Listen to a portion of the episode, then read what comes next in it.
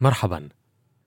منذ عام بالضبط نشرنا أول حلقة من بودكاست فصول عن قصة فتاة من جنوب مصر. اسمها راندا. تعرضت للختان طفلة وتحاربه الآن كأم وكناشطة في المجتمع المدني. وها نحن الآن نعيد بث هذه الحلقة وفي نهايتها تحديث وإجابات جديدة. لا يفوتكم الاستماع إلى النهاية لتعرفوا من رندا أين هي الآن ولماذا حافية القدمين هي أحدث معاركها مع الختان.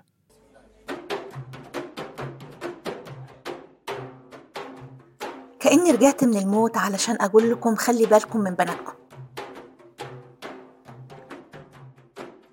مصر 1985 عام هادئ لكن في العمق أشياء ما تتغير.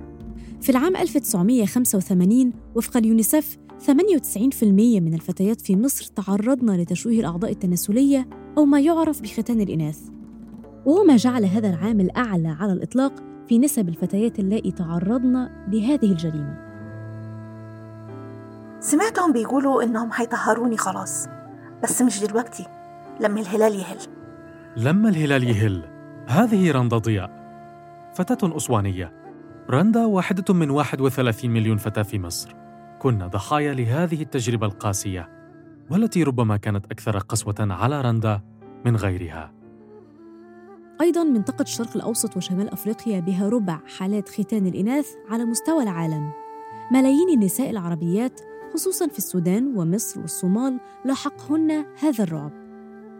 وعالميا لا تزال حتى اليوم. ثلاثة ملايين فتاة يتعرضن كل عام لهذه الممارسة.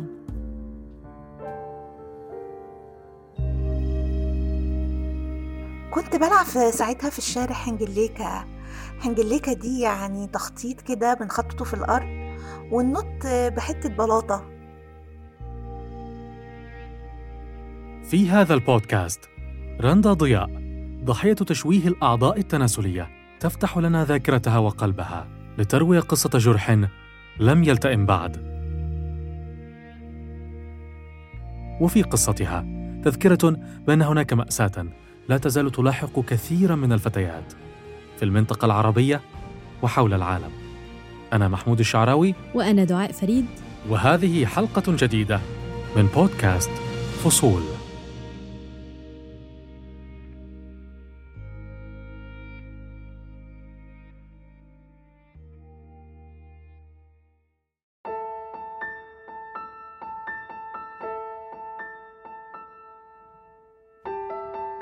تحذير. هذا البودكاست قد يحتوي على ألفاظ أو وصف لمشاهد قد تكون مزعجة للبعض. لما جيت بقى من المطبخ بدأت تفوق فيا فمش بفوق. فيا رندا رندا يا ماما اصحي. مفيش رندا. فجلبوني لقيوا الدم واصل لغاية منبت شعري. في بداية شهر فبراير من العام الجاري 2021 استقبل مستشفى عام في جنوب القاهرة فتاة عمرها 15 عاماً تعاني من نزيف حاد كاد يودي بحياتها. مصدر هذا النزيف قطع في شريان رئيسي في المنطقة التناسلية. عدد من يلقين حتفهن بسبب الختان غير معروف لأن حالات الوفاة تسجل على أنها نتيجة حدوث نزيف حاد. إذا أردت أن تعرف كيف ستروي الفتاة الجريحة قصتها مع سكين الختان بعد عشرة أو عشرين عاما من الآن فلست مضطرا للانتظار. استمع إلى فصول قصة راندا ضياء. لأنه وإن اختلفت التفاصيل فإن القصة واحدة وتظل محفورة طويلا في الذاكرة. كل شاف وأنكر غيره يكون في سكر كان عمري سبع سنين. أنا الصغيرة في وسط إخواتي. دخلت البيت ساعتها لقيت أمي وأبويا وإخواتي قاعدين في الصالة. سمعتهم بيقولوا إنهم هيطهروني خلاص بس مش دلوقتي لما الهلال يهل. لما الهلال يهل لماذا يرتبط جرم سماوي كالقمر بطقس كهذا يا ترى؟ هلال يهل عشان إحنا جنوبيين في جنوب مصر فبنعتقد في المشاهرة. فالهلال يهل عشان محدش ما نتشهرش. أول مرة يظهر في أعماقنا فجر ألوان محاسن ظلال نغم في منظر. الموسيقى من ذاكرة راندا. هذه أسوان في الثمانينيات كما تتذكرها رندا. إحنا شارعنا الحقيقة على الطراز الفاطمي. وزي ما قلت لك قبل كده أنا كنا ساكنين في, قلب مدينة أسوان. اشتروا لي فساتين حمراء وعلى السرير ملاية بيضة وكأني عروسة صغيرة زغاريد بقى ودفوف. كنت فرحانة جدا. لأنهم هيحنوا لي إيدي ورجلي وفي اليوم التالت هنروح النيل علشان المباركة يعني ويغسلوا لي إيدي ورجلي وكأنهم بيطهروني من الدنس. مظاهر احتفالية لطقس مؤلم وحزين. أكثر من 200 مليون امرأة شوهت أعضاؤهن التناسلية حول العالم. علماء الأنثروبولوجي لا يعرفون بالتحديد أين نشأت هذه العادة ولا كيف انتشرت. تقول منظمة الصحة العالمية إن هذه العادة عمرها ألف عام تقريباً وفي الغالب منشأها في أفريقيا. أكثر الدول التي تمارس ختان الإناث هي الصومال بنسبة 98% من النساء. تأتي بعدها مصر والسودان عند 87% ثم موريتانيا. جميع هذه الدول أفريقية. كيف حالكم؟ إزيكم؟ كيف حالكم؟ إزيكم؟ كيف حالكم؟ لما الهلال هل؟ وبعد ما أبويا صلى العشاء رحنا لعيادة الدكتور. العيادة دي كانت في الشارع اللي ورا اللي ورانا. في قلب في قلب السوق التجاري يعني هنا في أسوان. وأنا رايحة كنت فرحانة جدا جدا. أنا فاكرة العيادة دي كويس جدا. أنا فاكرة حتى الترابيزين بتاعها. ريحة السلم كده كانت أنا حاسة أنا شماها دلوقتي في مناخيري. ال- العماير ال- العتيقة بتاعت زمان. لما دخلت العيادة الريحة اتقلبت لريحة أدوية ومحاليل وديتول.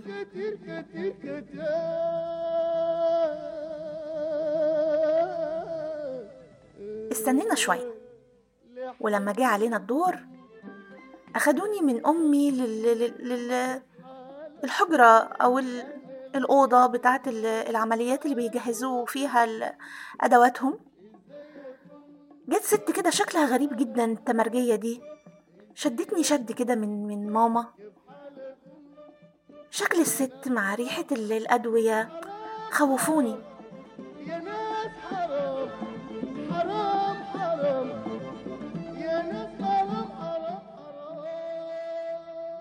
نبضات قلبي زادت جدا جدا.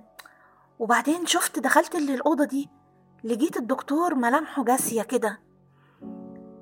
فمعرفتش أعمل إيه بس أنا أنا كنت حاسة بنبضات قلبي كويس. كأنها هتطلع خلاص من من القفص الصدري بتاعي. الدكتور ده جه لغاية عندي اداني حجنة ما تكلمش بس ولا كلمة معايا يعني.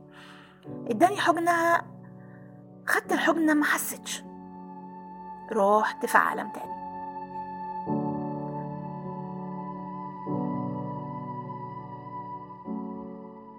أقول لك شيئا يا دعاء. كم الأحداث التي قد تعلق بذاكرة طفل أو طفلة وتجعلهم يعيشون في صدمة حين يكبرون؟ مخيف. رندا كانت فرحة وهي على وشك أن تصدم. هل تعتقد يا محمود أن أهل رندا كانوا على وعي بالصدمة التي ستتعرض لها ابنتهم؟ أه، لا نستطيع الجزم بهذا. تذكري في ذاك الوقت لم تكن حملات محاربة الختان قد انتشرت ولكن حتى الآن ومع انتشار هذه الحملات لم تستطع القضاء على الظاهرة بشكل كامل. ولماذا؟ هناك مقال قرأته. قد يساعدنا في تفسير ذلك. سأحدثك عنه بعد أن نستمع إلى فصل آخر من قصة رندا. معرفش بقى أخدت فترة قد إيه بس لما فتحت عيني لقيت نفسي في مستشفى. ناس داخلة وناس خارجة ناس بتصوت وناس بتزغرط ناس بتنادي على على وضعتهم لقيت أمي قاعدة في كرسي جنب راسي. عمالة تبكي بحرقة. وكانت عمالة تدعي بتقول يا رب والنبي يا رب ما تحرق قلبي عليها. حسيت إنه صوتي كده ضعيف طالع مني. بقول لها ماما إحنا هنا ليه؟ هو إيه اللي حصل? الحقيقة هي ما ردتش عليا. قعدت تبوس فيا كتير جدا وكأني راجعة من سفر. وبعدين سابتني ونزلت سجدت لله شكر في الأرض. وجريت آه، تنادي بصوت عالي على الدكتور والممرضات. ساعتها عرفت إنه الدكتور آه، وهو بيعمل لي عملية الختان قطع لي شريان رئيسي وما عرفش يجيبه تاني بالبلدي كده طلصمني وحط لي الضمادات ومحاليل واداني الاهلي يعني علشان أموت آه، عندهم هناك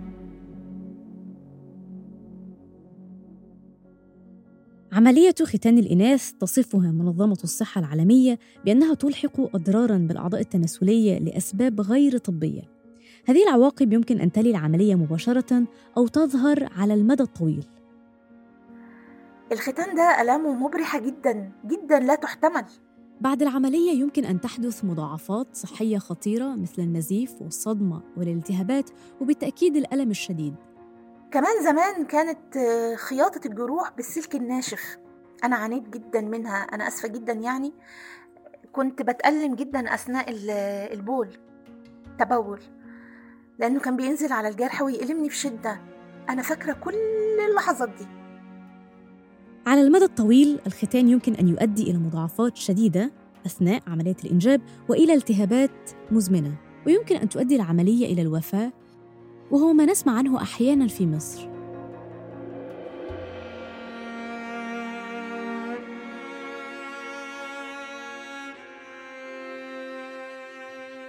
دعاء تعالي نعود بالزمن إلى الوراء.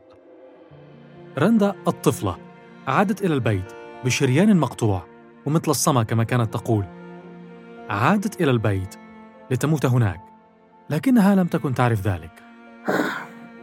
أمي صوتت طبعا والجيران اتلموا وراحوا جابوا لي عربية وجريوا بيا على المستشفى. لما رجعت البيت كانت إرشادات الدكتور بتقول إني ما اتحركش ما لعبش ما أخد الدواء بانتظام. بعد أسبوع بقى اتخنقت. فطلبت من أمي إنها إنها تطلعني برا على الرصيف بتاع بتاع البيت في الشارع أشم هوا شوية وأقعد مع أصحابي. ماما طلعت لي كليم آه على الرصيف وجابت البنات وقعدوا حواليا نحكي. قعدت شوية وبحكم إن أنا حركة كده وما بعرفش اقعد في مكاني حبيت العب فمسكنا كورة وقفت والبنات عملوا دايرة وبقينا بقينا نحدف على بعض ال- الكورة دي على بعض يعني. فجه عيل بيجري بسرعة جامدة فزجني فوجعت. لما وجعت نزفت. جم البنات يجوموني بصيت كده شفت الدم أنا الدم الأولاني بتاع أول لما جابوني من عند عيادة الدكتور أنا كنت فاقده الوعي ما شفتوش بس المرة دي أنا شفته شفته بعيني فترعبت.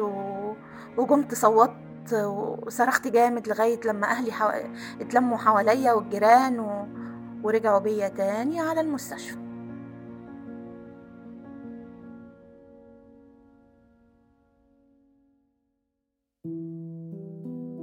هناك مشهد استوقفني في قصة رندا تقصد مشهد أهلها؟ بالضبط. أها. رندا ليست فقط من تضررت أهلها نالوا قسطا من المعاناة أيضا. كان من الممكن تجنب هذه المأساة. نظريا نعم لكن في الواقع الأهل في هذه الحالة مقتنعون بأنهم يقومون بطقس اجتماعي أو ربما ديني. هدفه الحفاظ على العفة والحشمة للفتاة. طيب وماذا عن التوعية؟ أتذكر في 2005 كانت حملات الدولة المصرية ضد الختان تتخذ شكل إعلانات تلفزيونية متقنة الصنع. لا أزال أتذكر أغاني هذه الإعلانات وأتذكر بشكل خاص ردود الفعل عليها. كانت توزع في بعض المساجد كتيبات تشرعن الختان وكنت أسمع البعض يتحدث عن أن الحملة ضد الختان مؤامرة لإشاعة الانحلال. أتعجب من ميل البعض في مجتمعاتنا إلى تصديق نظريات المؤامرة عن شيء ما دون الالتفات إلى الحقائق الواضحة المباشرة. استدراك سريع ليس فقط في مجتمعاتنا، بل الأمر أشبه بظاهرة بشرية. الأرض المسطحة، مجلس إدارة العالم، ومؤخراً لقاحات كورونا. أعجب نظرية مؤامرة سمعتها كانت لواحد من المعلمين في المرحلة الإعدادية كان يقول إن الجنس الضيق مؤامرة غربية تهدف لإثارة الفتيات جنسياً وإصابة الذكور بالعقم والمضحك أن معظم الجينز في تلك الفترة كان صيني أو تركي المنشأ إذا اعتبار الحملة ضد الختان مؤامرة ليس غريباً. هل تذكري المقال الذي أخبرتك عنه في بداية حديثنا؟ ظننتك أنت من نسيت. لا لم أنسى هذا المقال بعنوان لماذا يميل البشر إلى الاعتقاد في نظريات المؤامرة؟ كتبه أستاذ الطب النفسي ريتشارد آلان فريدمان. يقول دكتور فريدمان ما ملخصه أن تشكك البعض منا ورؤيتهم مؤامرات في أبسط وأوضح الأشياء. له أسباب تطورية. قديما كان الإنسان يعيش في مجموعات معرضة للخطر والأفراد الذين لديهم القدرة على استشعار المخاطر حتى في الأشياء غير الخطرة. لديهم فرصة أكبر للنجاة. وكأن الأمر أشبه بالغريزة. لكنه كما يقول دكتور فريدمان كلما زادت مستويات التعليم كلما قل الاعتقاد في نظريات المؤامرة. أستنتج من كلامك يا محمود أن حملات التوعية ليست كافية وحدها فلابد أن يأتي معها رفع لمستوى التعليم. أيضا هناك شيء آخر ذو تأثير ملموس وهو أن تتحرك الضحايا من الفتيات اللواتي كن عرضة لجريمة التشويه لمخاطبة مجتمعاتهن المحلية وشرح قصصهن بأنفسهن. وهذا ما تفعله الآن رندا.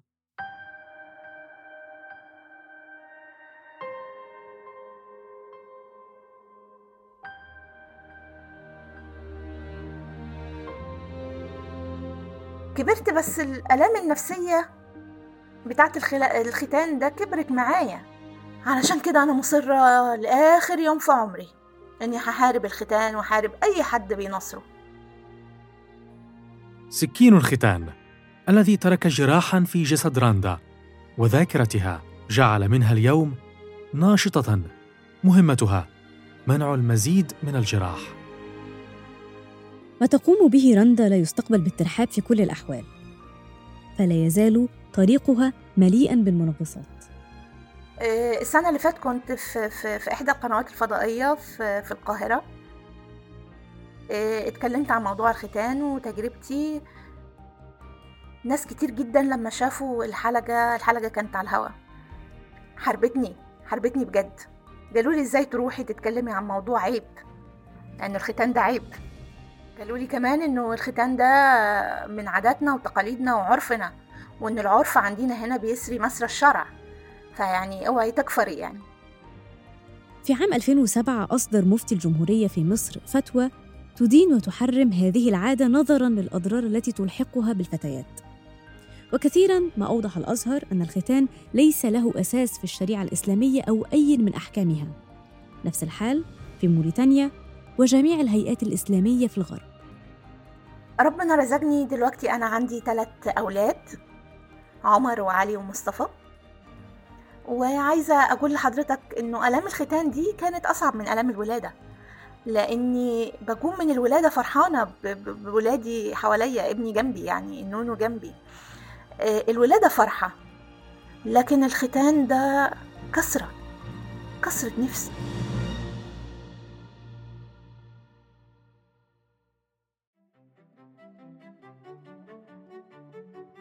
إلى يومنا هذا لا تزال سكين الختان مشهرة على الفتيات في مجتمعاتنا ممارسة بدأها الأقدمون ولا ندري ما السبب. لكن الأكيد أن استمرارها بلا سبب. علشان كده أنا مصرة لآخر يوم في عمري إني هحارب الختان وحارب أي حد بينصره. الحضارة الإنسانية على مدى تاريخها نجحت في التخلص من آفات كان يصعب حتى تخيل زوالها يوما ما. القرابين البشرية الملوك الآلهة والعبودية أما وقد أتى الدور على الختان فإنه سينتهي لا محالة. بعد عام من البث الأول لهذه الحلقة تواصلنا مع راندا بالتعاون مع الزملاء في فريق الساحة. راندا لا تزال تحث الخطى في طريق محاربة الختان. أخدت ورش كتابة. ابتديت أحول بقى ال- ال- الحكايات دي من حدوتة ل- لقصص ونزلتها في كتاب سميته حافية القدمين أنتجنا مسرحية اسمها رفقا بالأجيال مسرحية عن الختان والزواج الأطفال فدخلوا مثلوا لسه وزارة التضامن كانت حاضرة إلينا ال- العرض المسرحي كان هنا في سهيل. فطلبت مننا إن إحنا ن- نروح عندها في القاهرة عشان نعرض نفس النص ده في القاهرة. فأعتقد إن ده كان نجاح لينا يعني إن إحنا من الجنوب هنروح الشمال عشان نعلم هناك إن إحنا قدرنا إن إحنا نعمل ده. نفسي الستات كل الستات اللي اشتغلت على قضايا الختان آه، نطلع كلنا في يوم من الأيام نمسك إيدينا كلنا ونقف عند مدخل أسوان ونقول أسوان بلا ختان. هذا بودكاست فصول من الحرة بودكاست. استمع صباح كل اثنين على أبل بودكاست وجوجل بودكاست وسبوتيفاي وساوند كلاود ويوتيوب. استمع أيضا على أثير الراديو سوا.